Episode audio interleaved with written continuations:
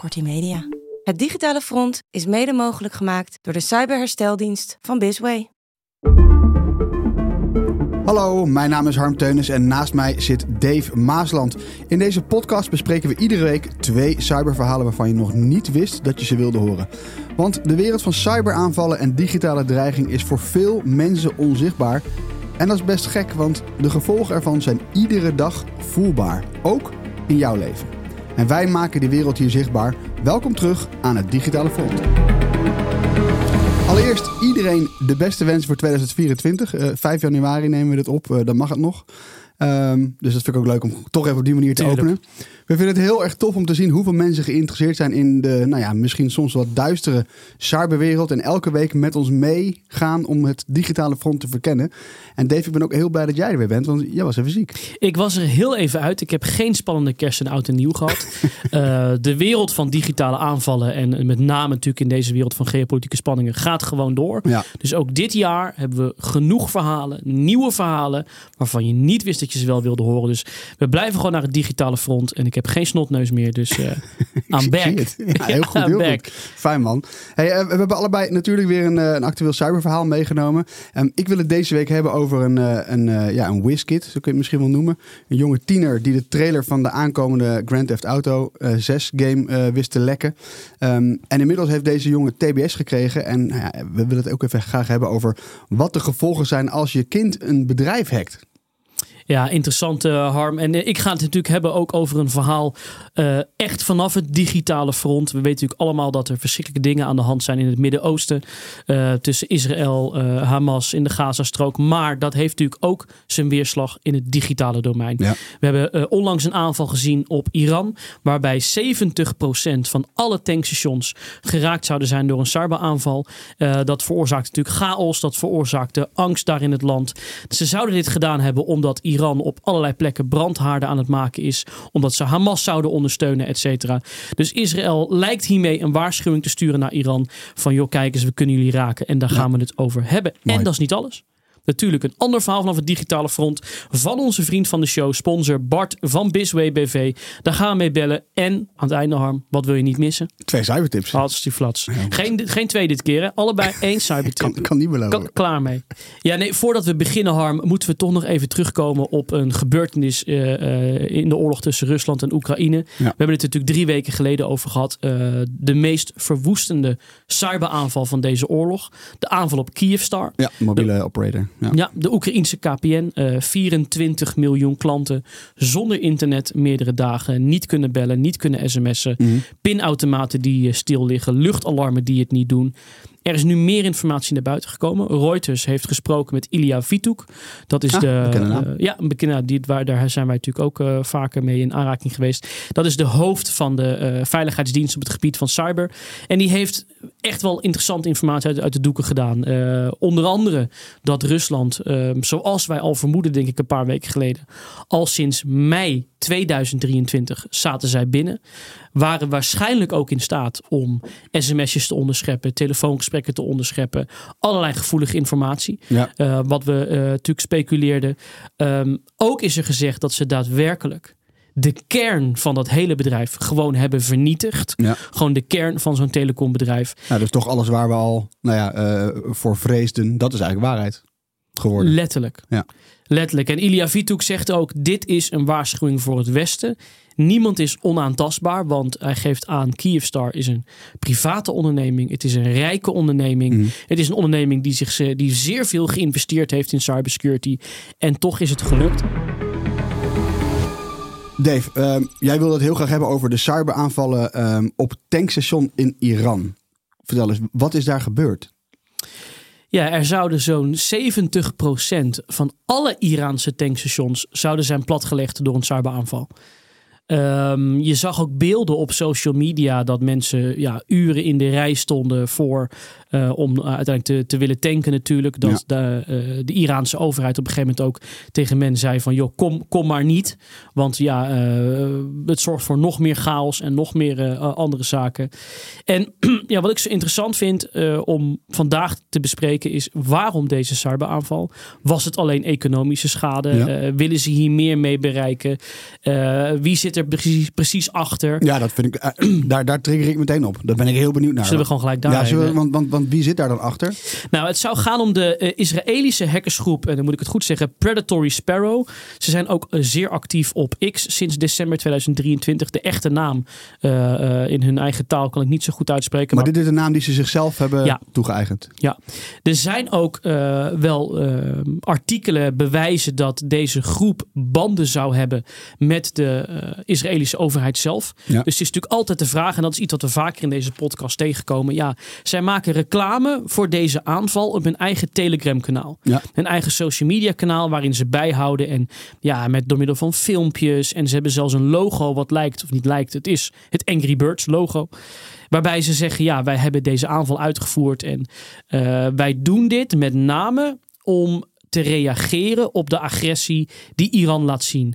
Eh, op de rol die Iran speelt in het hele conflict in het Midden-Oosten. Op het feit dat zij Hamas zouden steunen. Het feit dat zij eh, eh, de rebellen, de Houthis zouden steunen voor de aanvallen die ze uitvoeren op de Rode, op de Rode Zee. Ja. Ehm, en dan geven ze natuurlijk allerlei gevaren dingen van ja, je speelt met vuur en daarom, daarom vallen we je aan. Ja. Als we dan kijken naar die aanval, wat is dan precies de schade? Want jij zegt 70% van die tankstations is verstoord. Helemaal down, kon helemaal niks meer gebeuren, kon, kon er niks meer? Nou, als je de verhalen volgt, in het begin probeerde het Iraanse eh, regime natuurlijk een beetje de aanval ja, te downplayen. Het is allemaal zo erg niet. Nou, later kwam inderdaad naar buiten. Ja, want er verschijnen natuurlijk ook beelden op social media dat die aanval wel zo, zo erg is. Ja. Ik, ik denk niet zozeer dat het hier gaat om economische schade. Die is er natuurlijk wel. Uiteindelijk, eh, je moet zo'n hek oplossen. Misschien hebben mensen niet getankt, wel getankt. Nou ja, maar ik denk wat dit vooral doet, is als een schaal van de cyberaanval groot is. Het is één ding als je één ziekenhuis platlegt. Het is een ander ding als je alle ziekenhuizen in een land platlegt. Nou, als je alle tankstations in één land bijna platlegt. En je ziet overal fysiek mensen in de rij staan. Je weet niet precies wat er aan de hand is. Komt er nog meer aan? Dat weet je niet. Is het denk ik met name dat psychologische effect. Het effect dat de aanvaller, in dit geval Predatory Sparrow, eh, ook nog eens dreigt van joh, we hadden alles plat kunnen leggen, maar dat hebben we niet gedaan. Ze hebben zelfs de eh, eh, veiligheidsdienst in het land gewaarschuwd, zeggen ze. Van joh, we zullen niet alle gasten tankstations platleggen, zodat je nog wat noodvoorraden aan kan leggen. Oftewel, ja, het is eigenlijk alsof ik naar jou toe kom lopen en zeg Harm en zegt, joh, ik ga jou eens flink in elkaar rammen. Ik zal je niet, ik zal je niet het ziekenhuis inslaan, maar ik laat je wel even zien wie hier de baas is. Maar, maar moeten we dat serieus nemen? Want ik, ik, eh, ehm, we hebben ook wel eens eerder gezegd, ook eh, eh, als je ergens binnen bent en je kunt iets helemaal kapot maken. En je doel is om chaos te veroorzaken, wat het doel ook mogen wezen. Waarom zou je dan niet alles helemaal kapot maken? Als dat uiteindelijk, ja, ik, ik- die begrijp ik niet helemaal. Nou, je eerste vraag, moeten we dit serieus nemen? Een Normaal, eh, want je zou kunnen zeggen, dit is ook toch een vorm van hacktivisme. We weten niet zeker Hmm. of de Israëlische overheid hier achter zit. Daar zijn wel aanwijzingen voor. Ja, is dat, is dat ook ge- gevraagd? Het is gevraagd aan de Israëlische overheid tijdens een persconferentie. En daar zeiden zij eh, heel duidelijk: we gaan hier niets over zeggen. Wat op zichzelf vreemd is, want vaak ontkennen overheden Ja. dat ze dit soort programma's hebben. Dus daarin zit natuurlijk al een link, een, een vermoeden. Ja. Maar, dus waarom zouden we dit toch serieus moeten nemen? Eén, ehm, het is er daadwerkelijk gelukt. We zien vaak claims van hacktivistengroepen. Wat we niet goed kunnen verifiëren. Is het echt gebeurd? Hebben ze iets platgelegd? Dit is platgelegd omvangrijk platgelegd. Oftewel, wederom die 70% Ze hebben, als ik het goed zeg, 33.000 tankstations in totaal. Nou, neem daar 70% van. Dan gaat het over tienduizenden werkstations waar mensen in de rij staan, et cetera. Dus ja, er was impact. Als dit soort groepen inderdaad samenwerken met Israël, en dat weten we, Israël is een van de meest krachtige landen als het aankomt op cyber. Ja. Dat heeft alles te maken dat ze natuurlijk al jarenlang zichzelf moeten verdedigen. Veel mensen bij de inlichtingendienst en het leger hebben gewerkt. Vervolgens naar de private industrie gaan. Daar veel bedrijven oprichten die ook weer iets te maken hebben met eh, eh, eh, militair en verdediging. Ja. Dus we weten, Israël is een van de grote cybermachten. Nou, als je een van de grootste cybermachten combineert met zo'n groep die aanvallen, aanvallen doet. En we zien ook dat het werkt. Ja, denk ik dat dit niet een groep is waarvan we moeten denken dat ze niet meer in petto hebben. Wat ze zelf, wat ze zelf ook zeggen. Ja, ja, ja. Israël is hier natuurlijk eh, is, is heel erg druk met Hamas, met de situatie eh, in Gaza. Wat is de situatie van het conflict, eh, gewoon als je het digitaal gaat bekijken? Dus we zoomen even uit. Hoe, hoe ziet dat digitaal? Ja, wij volgen dat eigenlijk al een aantal jaar. En je ziet dat er een soort schaduwoorlog toch is ontstaan tussen Iran en uh, Israël. Um, Iran, als ik ook de kennis mag geloven, daar hebben we ons al een aantal jaren in, uh, in verdiept. Daar wordt niet zozeer gevreesd voor hun hun uh, militaire capaciteiten op de grond of, of in de lucht. Mhm. Waar we natuurlijk wel voor wordt gevreesd is hun nucleaire capaciteiten die ze aan het ontwikkelen zijn of al zouden hebben. Ja. En we weten nu, ook sinds een aantal jaar, daar is Iran ook steeds opener over, dat zij cyber als onderdeel hebben van hun militaire strategie. Uh, enerzijds voor spionagedoeleinden, om mensen die zij in de gaten willen houden, landen waar ze in geïnteresseerd zijn. Dat was voorheen veel ook nog in het westen. Nu zie je dat verschuiven naar heel erg in de regio regio. Iran mhm. lijkt zich heel erg te concentreren in de regio. En je ziet eigenlijk al een aantal jaar dat Iran begonnen is als, ja, die mocht aan de, je had natuurlijk de grote landen. Je hebt Rusland, je hebt China als uh, cybermacht, de Verenigde Staten, die aan de grote tafel zitten. En Iran zat altijd een beetje aan de kindertafel. En, je ziet nu dat die angst heel erg is dat Iran zich daadwerkelijk aan het mengen is bij de grote jongens. Voorheen waren de aanvallen zeer uh, voorzichtig. Uh, nu worden ze steeds geavanceerder. Ook in december nog hebben ze vrij. Brutaler ook? Ja, ook in het begin waren ze namelijk niet eens echt bezig om te verbergen dat ze dit deden. Hmm. Ehm, ze gebruikten gewoon ook tools die je gewoon kan downloaden. Die passen ze een beetje aan. Nu zie je dat ze echt capaciteiten hebben. Een onderzoek die wij zelf hebben gedaan naar Oil Rig. Dat is een van de groepen die wij, eh, die wij volgen. Die ook zich op telecommunicatiebedrijven richten, maar ook op militaire instellingen. En hoe zij in netwerken verblijven is echt, echt heel knap. Dus Iran, is even de hoofdboodschap denk ik, is zich aan het ontwikkelen als internationale cybermacht. Er zijn artikelen waarin ze zelf zeggen dat ze het vierde grootste cyberleger ter wereld hebben. Nou, het, het, is ook wel een rijtje wat we vaak opnoemen, toch? China, Rusland, Iran, Noord-Korea. Alleen eigenlijk altijd wel Iran qua capaciteiten een beetje als laatste. Ja. En dat is echt wel aan het veranderen. En daar, daartegenover zie je dat Israël natuurlijk al veel langer wordt genoemd als cybermacht. Mhm.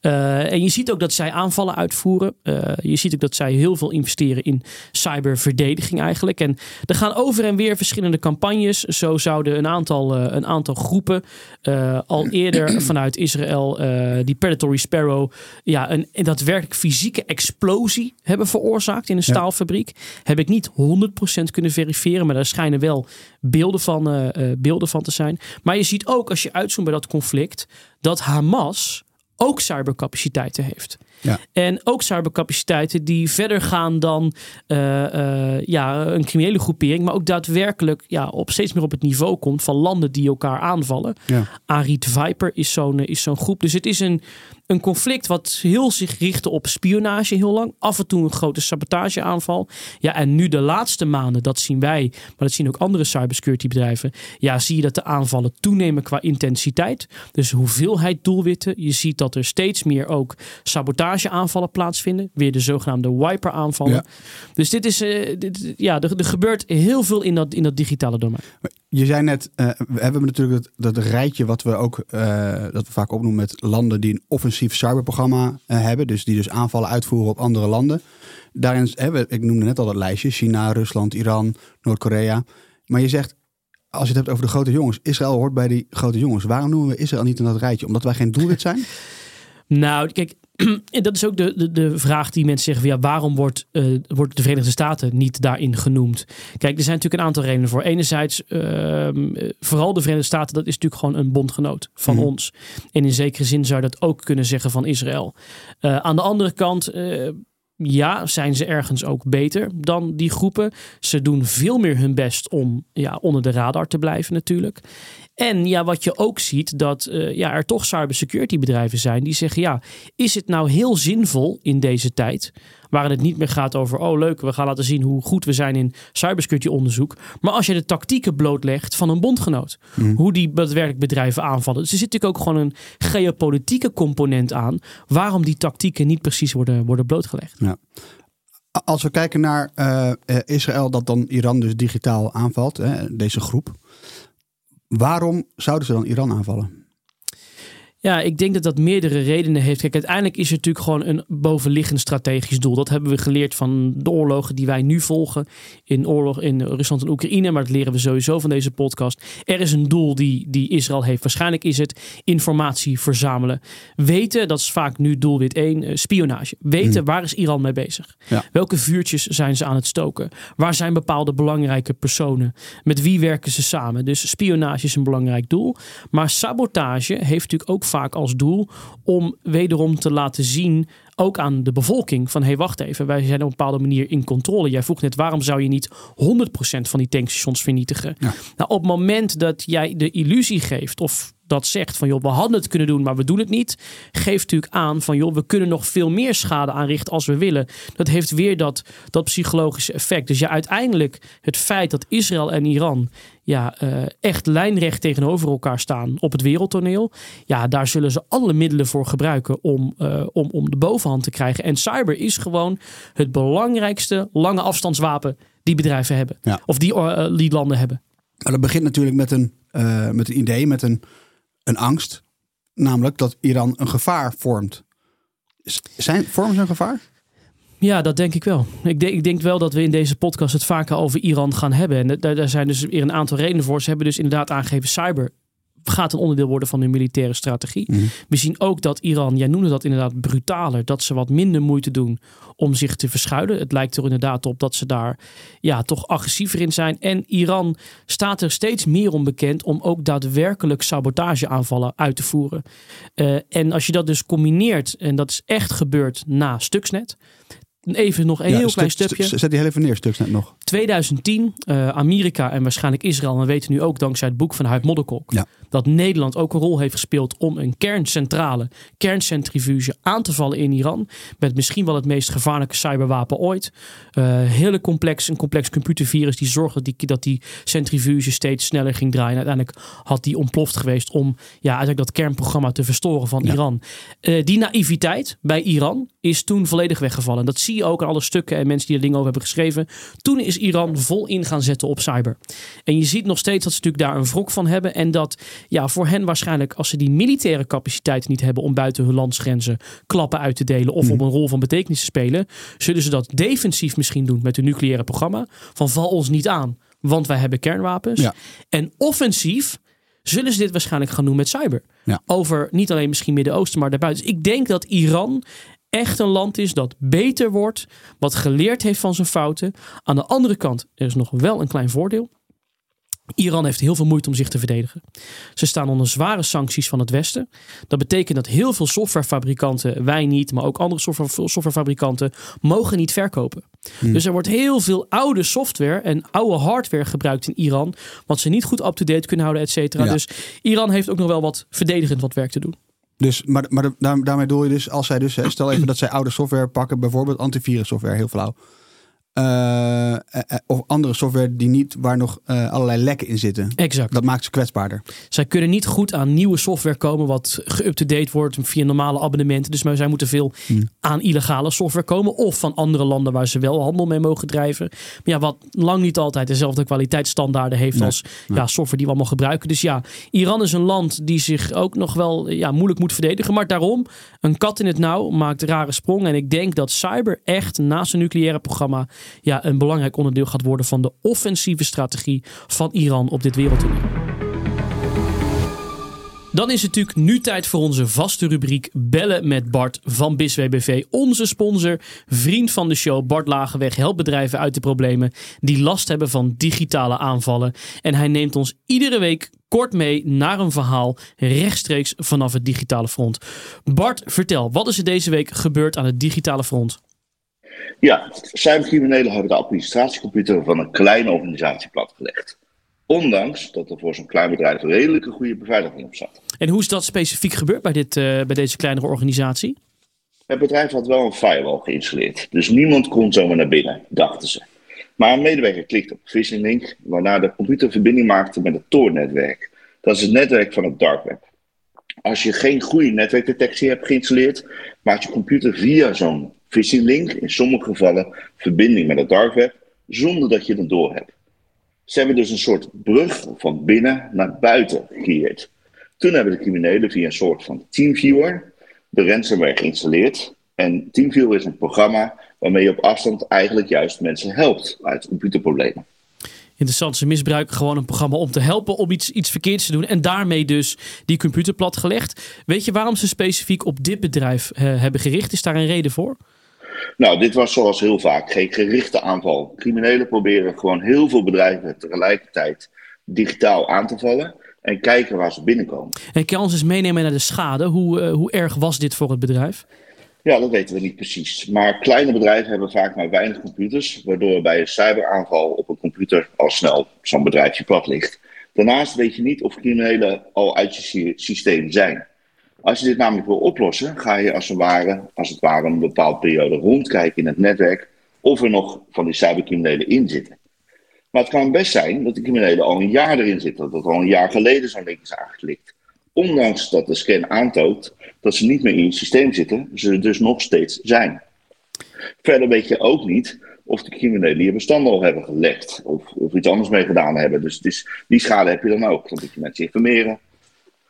Goed, uiteindelijk kom jij dus, cyberhersteldienst wordt gebeld. Wat doe je in zo'n geval? Hoe los je dit soort dingen op? Ja, we hebben samen met een forensisch bedrijf een bepaald kastje in het systeem uh, neergezet. En die, die gaat dan al het verkeer monitoren. En daar bleek dat er uh, nog steeds uh, verbinding werd gemaakt met de dark web. dus we zagen nog steeds toorverkeer langskomen. Zo zijn we er ook achter gekomen wat de, wat de oorzaak was. En hebben we ook die oorzaak kunnen wegnemen.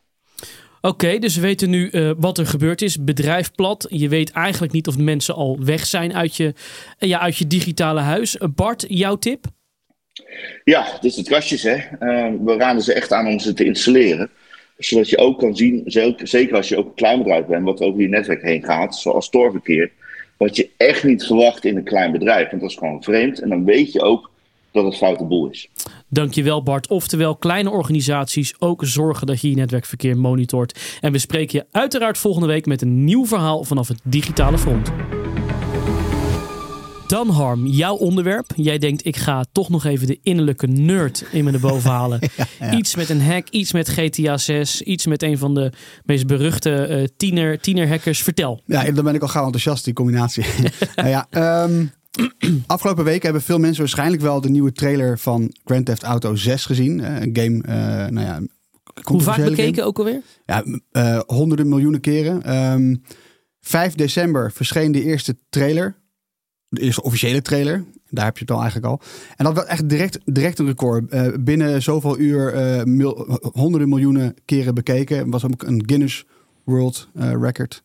Um, maar er waren al eerder beelden online gelekt. En daar zit dus een 18-jarige jongen achter, 18 jaar ondertussen. En hij, hack, hij hackte Rockstar Games, dat is de studio die deze game maakt, Grand Theft Auto 6. Opmerkelijk, hij had juist huisarrest voor een eerdere digitale inbraak. En het gaat om Arian Kurtai. Hij is 18 jaar oud. Oké, wacht even. Dus tijdens zijn huisarrest? Ja, ja. Tijdens zijn huisarrest heeft hij uh, een van de, nou ja, de maker van misschien wel de, de, de grootste game franchise ter wereld ooit gehackt. En uh, nou ja, uh, van alles nog wat buitgemaakt. Want hoe en groot is Rockstar? Even voor de luisteraars. Dit is niet zomaar een gamemaker, hè? Nee, dit is niet zomaar een gamemaker. Deze, deze franchise is de, de populairste, of in ieder geval een van de meest waardevolle game franchises ter wereld. Uh, iedereen kent deze game. ja, er, wordt, er wordt al maanden uh, al jaren naar uitgekeken. Uh, de, de, de jongste GTA 5, de, de eerdere versie van het spel, verscheen zo'n tien jaar geleden. Nou ja, je kunt eigenlijk zeggen dat na een jaar of vier, vijf begon iedereen wel al een beetje uit te kijken naar wat gaat deze game doen. Komt Toch wel de grootste computergame ter wereld? Uh, als je ja, daar kun je over discussiëren, maar dat, een van de grootste ja, durf ik het ja. zeker wel te noemen. Ja, ja. Maar ik wil het erover hebben, omdat deze jongen heeft een straf opgelegd gekregen. Want, en dat was ja, een onbepaalde tijd TBS-straf. en ik vind het um, ja, het, het grijpt me aan omdat het gewoon een hele jonge jongen is. En er gewoon echt, hè, blijkbaar, en dat weten we natuurlijk wel. Er zijn gewoon consequenties als je als jongere, maar sowieso natuurlijk als je een bedrijf hebt. Maar als jongere dus ook. Uh, ja, dus daarom wil ik het heel graag over dat, uh, dat onderwerp hebben. Um, ja, en er zijn natuurlijk ook mensen die misschien luisteren die zelf zo'n tiener op zolder hebben zitten. Ja. Uh, dus Belangrijk, eh, belangrijk exact, onderwerp. En heel even dan heel kort. Wie, wie is deze jongen? Ja, eh, eh, Arian Courtage, of Courtage, ik, ik denk dat het Courtage is. Hij komt uit Oxford. Ehm, het is een autistische jongen, ondertussen 18 jaar. En hij is dus lid en eh, vermoedelijk een van de sleutelfiguren van de bekende hackersgroep Lapsus. Eh, hij schijnt zelfs de mastermind van deze groep te zijn. Dus het is, het is een jongen, nou ja, in ieder geval van een groep die heel berucht is. En hoe oud was hij toen hij werd opgepakt? Oeh, eh, 16, 17, zoiets ja. moet het Ja, zijn. er zijn er twee opgepakt. Hij en een van zijn eh, handlangers. Ehm, eh, en hij is eh, de oudste van de twee. En zijn naam kennen we. De andere naam Ja. kennen we niet, omdat die jongen 17 is. de andere jongen die opgepakt is. Eh, ja, best wel heftig. Ja, wij hebben vaak geappt in die tijd ook over lapsus als, Ja, als, als fenomeen. Ik kan me ook voorstellen, mensen denken lapsus, waar gaat het over? Je schrijft nog een dollarteken aan het einde. Kan je ze nog even kort meenemen? Wie is lapsus? Waar kennen we ze van? Ja, het, het is een, eh, een hackersgroep. Een bende nou, jonge afpersers. Dat is misschien wel de beste eh, beschrijving. Het zijn Digitale bandieten. digitale boefjes. Ja. Juist. Nou ja, boefjes, dat is dan weer te lief eigenlijk. Want ze hebben precies. echt heftige dingen wel gedaan. Tieners uit Engeland en vermoedelijk Brazilië. En ze voerden dus aanvallen uit op bedrijven en overheidsinstanties. Eh, ja, niet alleen in Engeland en Brazilië, maar over de hele wereld. Denk even telecombedrijven in Engeland. Nvidia, de maker van, eh, van, eh, van grafische kaartenchips. Microsoft, Uber, Rockstar. maar ook Samsung. Daar, hebben ze ingebroken. eh, 190 gigabyte aan gegevens en belangrijke data hebben ze daar buiten gemaakt. De broncode van Galaxy smartphones, maar ook de techniek achter de biometrische verificatie. Dus hè, je, je vingerafdruk of je gezichtsscan. Dat hebben ze dus schijnbaar allemaal, eh eh allemaal buitgemaakt. Daar waren ze ook een beetje mee geobsedeerd. Hè? Het, het pakken van die broncode. Eigenlijk de, ja, eh, ja, nou, letterlijk gewoon de bron van een programma. Of eigenlijk Ja. op de diepste kern van een bedrijf. Nou, jij, jij volgt deze, deze, deze gro- groep al langer, toch? Want misschien moeten we dat even schetsen. Wat, die, wat deze groep bijzonder maakt. Ja, dat is wel interessant. Zij hebben de cybersecurity wereld echt op een grondvesten doen schudden. Mm. Als je kijkt waar we het net over hebben gehad, landen die elkaar aanvallen, die gebruiken zeer complexe computervirussen, digitale middelen, eh, kwetsbaarheden in een stuk software, een fout waar niemand ooit van af heeft. Eigenlijk gewoon zeg maar eh, eh, ninja's, hoe ze binnenkomen, fascinerend. Ja. Wat deze groep heeft gedaan, is juist met minimale technische kennis de en vooral creativiteit en brutaliteit Mhm. de grootste bedrijven op aarde platgelegd. Bedrijven die oneindige budgetten hebben, die behoren tot de best beveiligde bedrijven ter wereld, hebben zij gehackt door middel van soms het kopen van hun weg naar binnen. Ja. Of inderdaad weer het, het social engineering, het gewoon opbellen van bedrijven. Het juist niet gebruik maken van een computervirus, maar gewoon binnenwandelen en gebruik maken van de dingen die er zijn. Ja, en, en, en daar zijn bedrijven ook de. eh, Daar is ook een heel groot rapport over geschreven. Waar we het misschien zo nog even over hebben door de Amerikaanse overheid. Ja, elk bedrijf heeft nu. zou een scenario klaar moeten liggen voor dit soort aanvallers. En dat is natuurlijk het, het angstige eh, om dit af te sluiten. Ehm, ja, we hebben het heel vaak over landen die ook oneindige middelen hebben. Maar als creatieve tieners Hmm. al tot dit in staat zijn. Kan je nagaan waar die landen toe in staat zijn. Dus dat is eigenlijk hoe ze dit, eh, ja, hoe we naar die groep kijken. Zal ik even neerzetten wat er dan hier gebeurd is? Want het, het is... Het, het- ja, het- Krankzinnig. Ja, Eigenlijk vind ik wel. krankzinnig ja, toch? Oké, deze jongen werd dus in januari 2022 gearresteerd samen met een van zijn andere handlangers. Onder andere voor het hacken van weer zo'n groot techbedrijf Microsoft. Daarna heeft hij eh, samen met die andere jongen Nvidia gehackt. Dus een maandje later. Ze stelen gevoelige data, probeerden Nvidia af te persen. Toen werden ze in maart, dus twee maanden later, opnieuw gearresteerd. Nou, toen was de politie zo slim om hem voor zijn eigen veiligheid, want hij werd ook gedoxt. eh, dus zijn gegevens werden online gezet. Iedereen kon Wist wie die was, wie waar die was, woonde. Ja, ja, ja. dus de politie heeft hem toen naar een hotel verplaatst. Gaven hem huisarrest. Hij mocht geen internet gebruiken. Laptop werd ingenomen. Nou, dan denk je, nou, eh, hè, kat in het bakkie gaat niet meer mis. Dus hij zat onder politiebegeleiding vast op een hotelkamer. Even dus voorstellen, bij wijze van spreken, zo'n politieagent staat of voor de deur of rijdt Ja, zo zie ik om de zoveel minuten Ik langs. zie voor me een Juist. hotelkamer waar twee van die politieagenten voor de deur staan. Iedereen die er binnenkomt. Gordijnen dicht, hij Gordijn- zit daar. Oké. Ehm, en wat hij doet, hij wordt creatief. Hij gebruikt uiteindelijk zijn Amazon Fire Stick, dus zo'n streamingskastje die achter in je tv drukt, de tv van het hotel en zijn mobiele telefoon om uiteindelijk dus gaan, te gaan inbreken bij, daar is hij, Rockstar Games, de uitgever van Grand Theft Auto 6. Terwijl die in voorarrest zit, Terwijl, die terwijl er een Ja. agent voor de deur Ja. zit, zonder laptop, Ja. maakt hij van zijn tv een soort halve laptop. En via daar breekt hij, breekt die- hij in. Hij breekt in. Hij downloadt allerlei data, waaronder de beelden, eh, broncodes. Heb je hem weer, broncodes van het, eh, het oudere spel GTA 5. Vermoedelijk ook van GTA 6. En via Slack, via dus het, de interne Slack van Rockstar, dreigt hij dus de boel online te zetten. En op dat moment wordt Ja, hij... dus hij zit gewoon te chatten met medewerkers Ja, van. Rockstar. En zit- zegt, joh zit luister. in die- in die yo, hier ben ik. En eh, ik, ben, ik ben geen medewerker, ik ben een hacker en ik, ik ga alles online zetten. Ten, ten, ehm, ik doe dat alleen niet als jullie via Telegram contact met me opnemen en dan, dan gaan we erover praten. Nou goed, op dat moment wordt hij dus opnieuw gearresteerd. Eh, maar die beelden zijn dus wel gewoon online gezet in, eh, ik zeg even uit mijn hoofd september. Moet je, moet je even met de korreltjes uitnemen misschien, want ik weet de datum niet, niet zeker. Maar ehm, uiteindelijk hè, wordt dus opnieuw gearresteerd. Hij krijgt dus deze straf opgelegd. Andere jongen is ook veroordeeld, maar die kreeg een wat lichtere straf. Jeugdmaatregel. Hij werd eh, anderhalf jaar onder toezicht geplaatst. Maar deze dader, ja, die krijgt dus gewoon eh, TBS opgelegd. En wat ik begrijp, in Nederland kan TBS worden opgelegd voor een bepaalde tijd en dan verlengd worden. In Engeland is het zo dat je eigenlijk kan zeggen, je, gaat, je, je krijgt levenslang TBS. Ja. Tenzij een arts ooit weer zegt, joh, je bent geen gevaar meer. Maar in principe Ja. Gaat hij de rest van zijn leven in een mentaal ziekenhuis. Ja, zo heb ik hem ook begrepen. Ja. Ja, en, het, het, idee is, de rechter die heeft letterlijk gezegd... hij is een danger to society, een gevaar voor de maatschappij.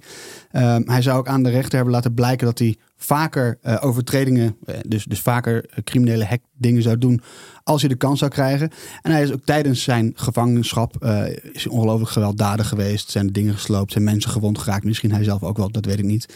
Ehm, maar ja, ja het, is, het is wel echt een heftig Ja, verhaal. we moeten nog heel even die creativiteit, hè, Harm.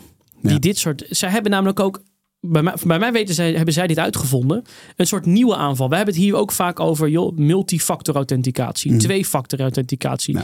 De- Noem, noem hoe je het wil. Je logt in met een code. En je krijgt op je mobiele telefoon eh, zo'n appje waarmee je zeg maar dus een wachtwoord en een code waarmee je in kan loggen. Wat bedachten zij op een gegeven moment? Stel nou, ik weet alleen het wachtwoord van een medewerker. En ik log in en dan krijgt die medewerker op zijn telefoon een berichtje. hey, probeer je in te loggen. Ehm, en toen dacht ze, joh, weet je, als ik dat nou gewoon honderd keer probeer. Dan wordt misschien een medewerker wel zo geïrriteerd dat hij elke keer een melding krijgt. Dat hij denkt, joh, als ik op kruis druk gaat het niet weg. Ik druk wel gewoon een keer op het groene vinkje. En mensen werden gewoon moe van die meldingen en zo kwamen ze binnen. Zij zijn ook een van de partijen die echt een groot probleem aan het licht hebben gebracht. Er wordt nog heel vaak zo'n code voor die tweestapsverificatie via sms verstuurd. Ja. Dus dat jij in een sms'je die code krijgt. Wat hebben zij gedaan? Zij belden telecomproviders op. hey, ik ben die en die. Ik heb een nieuwe simkaart, oude simkaart kwijt. Je moet even mijn nummer overzetten. Zo'n telecomprovider doet dat. Dat noemen we simswapping. Ja. En die eh, mensen kregen gewoon op hun mobiel dan wel die code binnen. Dus de, de creativiteit waar dit soort jongens en de wil om ja, gewoon echt bewust criminaliteit te plegen Ja. is. is en, en, en dat brengt mij, vind ik, ook op een hele interessante discussie. Ja, ik zag op Twitter heel veel mensen pleiten. We moeten die jongen aannemen. Ja, ehm, ik wil hem wel terugkaatsen. Zou, zou jij hem aannemen? Nee. Nee, en, en daar zijn denk ik twee redenen voor. Vroeger waren we daar nog veel strenger in trouwens. Dat op het moment dat je ooit over de schreef bent gegaan, eh, wordt het gewoon heel, werd het heel, vroeger heel lastig. Mm. Alleen er is nu een tekort aan talent, dus je moet soms ook kijken. En iedereen verdient, iedereen verdient een tweede kans. Ja. Ehm, alleen, je hebt aan de ene kant moet je jezelf afvragen hoe, hoe bijzonder is het wat iemand, wat iemand doet. Ja. En ja, die firestick eh, in de hotelkamer natuurlijk heel creatief allemaal. Maar het is niet zo alsof andere mensen dit niet kunnen. Eh, we moeten oppassen dat we heel snel iemand echt als, als, als genie bestempelen. Hij was vooral, denk ik, erg brutaal. Hmm. En aan de andere kant moet je inderdaad wel kijken. ehm, is iemand in staat te rehabiliteren? En wil iemand het juiste pad op? Want dan Ja. kan je heel veel kanten met iemand op. Ja. En dat is exact wat de rechter hier zegt. Deze jongen heeft helaas misschien ook door zijn autisme helemaal niet de intentie om het goede pad op te gaan. Nee. Dus je kan nooit zo'n zo iemand vertrouwen. En ik denk ook niet dat dat goed is intern, extern voor je team om met iemand in zee te gaan. Maar ik hoor wat, wel wat interessants. Want jij zegt even l- los. eh, laten we even. hè, los van waar hij, eh, waar hij mee dealt. Zeg je van als je gewoon puur kijkt technisch naar wat hij gedaan heeft. Is dat dus eigenlijk niet zo heel erg knap. En voegt hij dus in die zin. Kan hij dan niet iets toevoegen aan, aan een team in een cybersecurity bedrijf? Omdat hij technisch gezien niet zo heel be- begaafd is. Nee, ik denk dat ze vooral erg creatief waren. Ja. Maar hebben ze vaardigheden die ze bij de geheime dienst niet hebben of wat dan ook? Dat denk ik niet. Nee, precies. Alleen ja. ze doen wel, en dat is denk ik vaker met, dat, dat is toch deze hele zaak schreeuwt. Tieners, pubers die Ja. niet goed nadenken over oorzaak, gevolg. Gewoon willen kijken hoe ver ze gaan. Ja, ze hebben wel iets gedaan waarvan de diensten denken, hey shit, hey, dit is interessant. Maar nogmaals, niet iets wat ze niet... Hey, er is een, uh, en ik heb de moeite genomen voor deze podcast uiteraard. Er is een rapport uitgekomen ja. uh, van de Cybersecurity Board in Amerika. Die hebben hier een, uh, een bijna 80 pagina talent rapport over geschreven. ik heb met name even gefocust op de, de executive summary. En er zijn, wel, er zijn natuurlijk wel een, een aantal dingen die zij, die zij zeggen. Sowieso wordt Nederland genoemd in dat rapport. Dat in de Verenigde Staten is er geen formeel programma om mensen, jongeren die de fout ingaan mm. met hacking, op het rechte pad te krijgen. En Nederland wordt genoemd als een van de landen, een van de twee landen ter wereld, die wel zo'n programma hebben. In ja. Nederland hebben we de Hack Right. Ook echt voor alle ouders die luisteren, ik wil dat toch even noemen. Hack Right. Dat is een programma van de politie voor tieners, kinderen tussen de 12 en 23 jaar oud, die een eerste keer een overtreding doen. Ja die bij hun school hebben ingebroken of die het wachtwoord van een leraar hebben gebruikt en de cijfers hebben aangepast of misschien wel iets uh, complexers hebben gedaan, die krijgen een kans bovenop hun straf om dat, uh, om dat aan te passen. Ja. En dat, en dat is echt, ik, heb, ik was laatst bij een presentatie van, minister, van een, een, uh, bij het OM en die gaven aan dat het daderprofiel is echt atypisch hier. Je ziet vaak hoogopgeleide kinderen in een, juist in een goed huishouden, et cetera. Soms wel lichte vorm van autisme, maar die ja, vaak alleen op hun kamer zitten, weinig toezicht. En dus ja, voor iedereen die luistert, als je een hele slimme uh, zoon of dochter hebt, en je niet een goed gevoel, praat wel met je kind ja. daarover. Dit is misschien een, een soort van uh, motief van mij om het te hebben over dit onderwerp. Want ik, ik, Heb jij zo'n. Uh, nee, nee, maar ik, dat niet. Maar ik, ik vind het. Um, ik vind het een heel belangrijk onderwerp, om, omdat dit uh, bij iedereen thuis kan gebeuren. En dat is voor mij ook een reden geweest om het toch wel te hebben over het onderwerp. En ik hoopte al dat je dit zou gaan aan, aansnijden, ja. Hackride. Um, kijk, toen ik aan het lezen was, uh, inlezen was op dit onderwerp, uh, er was ook de politie in Londen. Die heeft naar aanleiding van deze zaak ook een heel uitgebreid bericht online gezet. Waarmee ze ouders vragen op de hoogte te zijn van wat hun kinderen online doen. Dat het geen blinde vlek wordt. Dat het niet wordt. Sterker nog, in, in dit geval van deze jongen die dus uh, heeft ingebroken bij Rockstar bij GTA 6. Um, daarvan zeiden zijn ouders ook, ja, wij dachten gewoon dat hij super handig was. En, of, of, dat hij lekker aan het gamen was en wist dat hij handig was. Maar we dachten eigenlijk dat gewoon dat hij met onschuldige zaken bezig was. En dat vind ik zo, kijk, ik heb vroeger ook ongelooflijk veel tijd besteed op, op letterlijk op een zolderkamer waarin ik aan het gamen was. Ik kon wat programmeren, maar dat was het wel. Maar het had ook zomaar een andere kant op kunnen gaan. Dan had ik niet hier gezeten. Um, dus als je nou kijkt naar, naar wat wij in Nederland hebben, we dus dat Hackride. Wat doet dat Hackride? Nou ja, Hackride is eigenlijk een programma helaas pas achteraf. Dus als je al een straf opgelegd krijgt, mm. dan komt dit programma er nog eens overheen. En dan krijg je de kans, door middel van vrijwilligerswerk, training, andere dingen, om ja, het juiste pad op te gaan en je vaardigheden voor goed te gebruiken. Maar ja, ik denk wat we natuurlijk ook met name in Nederland moeten doen, uh, en dat gebeurt hier ook wel, is vooral aan de voorkant. Hè, er is een, een, een gratis cybersecurity game, we hebben het vaker over gehad, Hack Shield, waarin je kinderen kunnen leren, ja. met name waar ligt die grens. Want dat is waar ik zie, als ik ook met jongeren spreek, ik geef wel eens gastlessen, andere dingen dat zij niet weten wanneer is iets strafbaar. Ja. Als jij namelijk uh, het wachtwoord weet van jouw vriendinnetje, want dat heeft ze wel eens verteld, mm. en jij logt in onder haar naam, dan zeggen jongeren vaak, ja, maar ik weet dat, ze heeft ja, dat verteld aan mij, is geen dus geheim. Ja. Andere, maar dat is gewoon computervredebreuk, want je mag niet zomaar inloggen als een account niet voor jou is. En waar die grens precies ligt, mm. wanneer mag je iets downloaden, wanneer mag je iets aantonen, dan heb je natuurlijk nog zoiets als ethisch hacken. Je, dit is een grijs gebied waarin je iets mag doen om te laten zien dat de voordeur open staat. Eigenlijk net als fysiek. Mhm. Als ik de deur bij de buurman open zie staan, ja, dan mag ik misschien wel door de kier roepen van joh, buurman, gaat alles goed? En misschien mag ik de deur dichttrekken. Maar ik mag in principe niet zijn gang instappen. Nee. En waar die grens, maar ja, als ik mijn buurman misschien al 40 jaar ken, misschien doe ik dat wel. Ja. En waar die grens in dat digitale wereld ligt, dat, dat, dat is echt heel. Eh, eh, nu we het toch over hebben, jouw kids, die zijn natuurlijk nog iets jonger, maar Mhm. zie jij al de handigheid, hoe zou je dat aanpakken? Zou je een PC beneden zetten of hoe, hoe, hoe hou je dat toezicht? Ja, nou ja, ik, weet niet of, of mijn kids dan een goed voorbeeld zijn. Want hè, de oudste is acht. Um, uh, en, en die is nog niet echt bezig met omzeilen van de regels, voor zover ik dat kan zien. Maar als hij bezig is met, uh, uh, met bijvoorbeeld zijn Nintendo Switch, dan, is dat, dan zie ik dat. Dan, dan zie ik waar hij mee bezig is. Uh, ik denk wel dat ik dat zoveel mogelijk vinger aan de pols zou proberen te houden. Maar mijn, doel, mijn, mijn doel met mijn kinderen is om gewoon vooral heel veel te praten over wat zij doen. Omdat ik hen het gevoel wil geven dat ze A, daarover kunnen praten met mij. Dus dat ze niet iets van mij hoeven verbergen. Dat ze hun onzekerheden op die manier daarmee kunnen bespreken. Maar ook dat ik ze juist kan bijbrengen van hè, wat mag nou wel, wat mag nou niet. Ehm, Dan ben jij ook gelukkig nog een ouder die technisch een beetje onderlegd is. Ja, nou ja, ik hoop het. Ehm, maar even, even los van hoe serieus ik dit neem. Als we kijken naar de politie. Hoe serieus nemen zij cybercriminaliteit door jongeren? Ja, dat wordt, dat wordt wel serieus genomen. Omdat, kijk, de gevolgen kunnen natuurlijk enorm groot zijn. Je ziet dus dat ja, eh, tieners kunnen ook een bedrijf als Microsoft soms op, nou, op de knieën misschien niet helemaal, maar wel serieus aanvallen. En het is natuurlijk een groeiend probleem. We hebben te maken met een generatie die digitaal opgroeit. Waar soms de huidige generatie ouders ja, eh, minder verstand hebben van digitale, digitale zaken. Alles wordt steeds meer verbonden. Dus ja, het risico, wat vroeger dachten we, ja, die jongen op de zolderkamer, daar moeten we ons niet meer zorgen om maken. Nou, deze zaak toont aan dat we dat wel moeten. Ja. Nou, er is een conclusie vanuit het rapport. Eh, die, die, die wil je misschien vast horen waar, eh, wat, wat hun conclusie is. Zij zeggen dus ook, we leven in een wereld, ja, eigenlijk waarin, als je het over GTA hebt, waarin je als puber een legerbasis binnen kan lopen en schade aan kan richten. Een soort van Robin Hood. Je kan ja, echt als eenling heel veel schade aanrichten. Dat is de nieuwe realiteit. Je kan als tiener een van de meest ja, beveiligde bedrijven ter wereld eh, aanvallen. En ze hebben een aantal aanbevelingen gedaan hoe de boord, eh, de er naar kijkt. Ja. Volg het voorbeeld van Nederland. Zet vol in op programma's die jongeren op het rechte pad houden.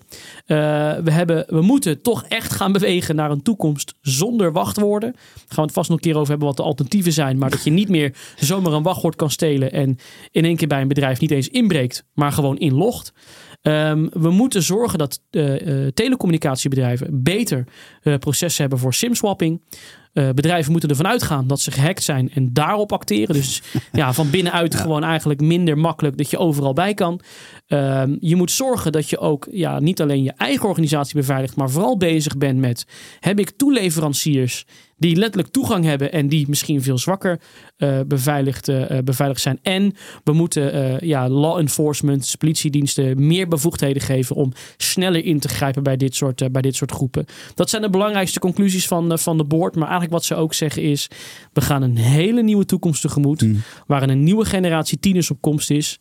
Die soms net zo creatief kunnen zijn als dat landen zijn in elkaar, eh, elkaar digitaal aanvallen. Ben ik toch nog benieuwd. Nou, heb ik nog één laatste vraag voor je. Want eh, eh, je begint met dit. we, worden steeds digitaler. Ja. Ehm, jongeren doen dingen, zoeken de grens op. Dat is volgens mij gewoon inherent aan wat wij doen. Ja? Denk jij dat de kans groter is dat een, jongen, dat, dat een, een jongere, die, die nu zeg maar 16 is, digitaal over de schreef gaat, dan dat hij bijvoorbeeld opgepakt wordt voor winkeldiefstal of voor iets anders wat niet mag? Ik heb geen cijfers, maar ik denk het wel. Ik denk dat we naar die toekomst gaan. Ik denk dat op een gegeven moment, de, ze zeggen wel eens de gelegenheid maakt de dief. Maar eh, toen ik bij die presentatie was van het Openbaar Ministerie, ging er echt een wereld voor me open. Ik was niet helemaal thuis in de F-game. Maar dat is dus eh, een rap scene wereld waarin rappers, artiesten op YouTube gewoon allerlei raps maken over, yo, je moet WhatsApp fraude plegen. Ik heb nieuwe sneakers, nieuwe... En goed, dit lijkt nergens op, maar zo gaat dat een beetje. Ik Ja. heb nieuwe patas, je moet dat doen. En je erg wordt aangemoedigd Ja. om niet een oud vrouwtje op straat te beroven, maar gewoon een phishingpagina aan te maken en 100.000 euro van mensen af. Dus deze nieuwe generatie die opgroeit, die gaat en met, eh, die wil natuurlijk ziet op Instagram, ziet mooie schoenen, alle andere dingen. Die groeit op in een wereld dat als je snel geld wil verdienen, dat eh eh internetcriminaliteit misschien wel de snelste route is. Dave, we eindigen altijd met een inspirerende noot. Hè, want het even, best wel heavy was het even, toch? Dit was best wel Ja, heavy. toch. Hebben we wel lichte tips dan? Of zijn we weer net zo heavy dan? Eh, ja, ik wil, ik wil, eh, ja, nee, jawel. Eh, ik wil me aftrappen dan. Ja, dat mag. Ik heb een boek, The Ransomware Hunting Team, A Band of Misfits. Ka, klinkt lekker luchtig. Zo ja, zondagmiddag. heel, heel lekker. ik ga er even lekker voor zitten. Nee, het is een boek van Renee Dudley, ehm, eh, samen met Daniel Golden. Zij schrijven, zeg ik even uit mijn hoofd, voor de New York Times. Ehm, en dit boek gaat over, wat nou als jij als nou organisatie, je wordt gehackt. Ransomware, de boel is gegijzeld, eh, zit op slot, je kunt helemaal niets meer. Maar wat nou als je niet kunt betalen? Waar klop je aan? Wie gaat jou helpen? Je hebt ook geen geld om een cybersecurity bedrijf te bellen. Eh, eh, denk even Ja, aan, aan een school. Een school in Engeland. Dit is, komt letterlijk uit het boek, geen spoilers. Ehm, dan ga je bellen. Misschien kom je wel via via in contact met mensen die jou toch verder kunnen helpen om dus je gegevens weer vrij te krijgen. Nou, er is dus een, er zijn dus mensen op deze wereld die dus eh, ongelooflijk goed zijn in, eh, in, in hacken. In dit geval Ja. de positieve variant. Ehm, en die dus mensen die gegijzeld worden helpen. En die dus die sleutel proberen te achterhalen. En juist proberen alle gegevens weer terug te krijgen. Dit boek gaat over een zestal van dit soort mensen die dit doen. En vertelt een beetje hun levensverhaal. Waarom ze doen wat ze doen. Waarom ze niet Ik ken hem niet, veel dus, geld eh, verdienen. Maar dus eh, andere mensen willen helpen om hun data weer terug te krijgen. Fascinerend boek. Heel goed geschreven. Het leest soms een beetje als, als een avonturenboek. Het gaat ook de technische kant op. Eh, het gaat ook over het eerste virus ter wereld ooit gemaakt. Het, het is een heel gaaf boek. Eh 12 euro als e-book of natuurlijk op papier. En dat is wel eigenlijk altijd het leukst. En dan is hij een tikje duurder. Daar komt mijn tweede tip dan wel aan. En, eh, de American Book Center hier in Amsterdam aan de Spui. Die verkoopt het boek Die ook. heeft hem. Een Heb je er toch weer twee in? eh, we gaan je gelijk afkappen, want je hebt er toch weer twee in, eh, in gefietst. Sorry, sorry, sorry. Nee, ik wil, eh, mijn, mijn tip gaat over het onderwerp wat we vandaag hebben besproken. Namelijk de hele kwestie in en omtrent Iran. Hoe groot is dat gevaar? Waarom komt het nou dat zij zo eh, eh, een opkomende cybermacht zijn? Er gaat een fantastische documentaire aankomen. Tenminste, alles wijst daarop. Van Huib Modderkolk. Eh, die heet Niemand die het ziet. Die is undercover gegaan en die is op zoek gegaan naar wie nou degene zijn die die Iraanse kerncentrale, wie die hebben gehackt en hoe ze dat hebben gedaan. Ja, en volgens mij wordt dat een waanzinnige documentaire en achter de schermen dingen die we nu nog niet weten. Eh, 8 januari komt die online. Volgens mij moet je, moet je die, als je deze podcast luistert, moet je die kijken. Ja, de trailer is al veelbelovend. Heel gaaf, Ja. heel gaaf. Dit was hem, het digitale front voor deze week. Wij zijn Harm Teunis en Dave Maasland. Je kunt ons volgen via x, Dave Maasland, Harm Teunis en via digitale front. Heb je nou tips? Wil je ons iets vragen? Doe dat vooral. We, zijn, eh, we, krijgen graag vragen, beantwoorden ze ook graag.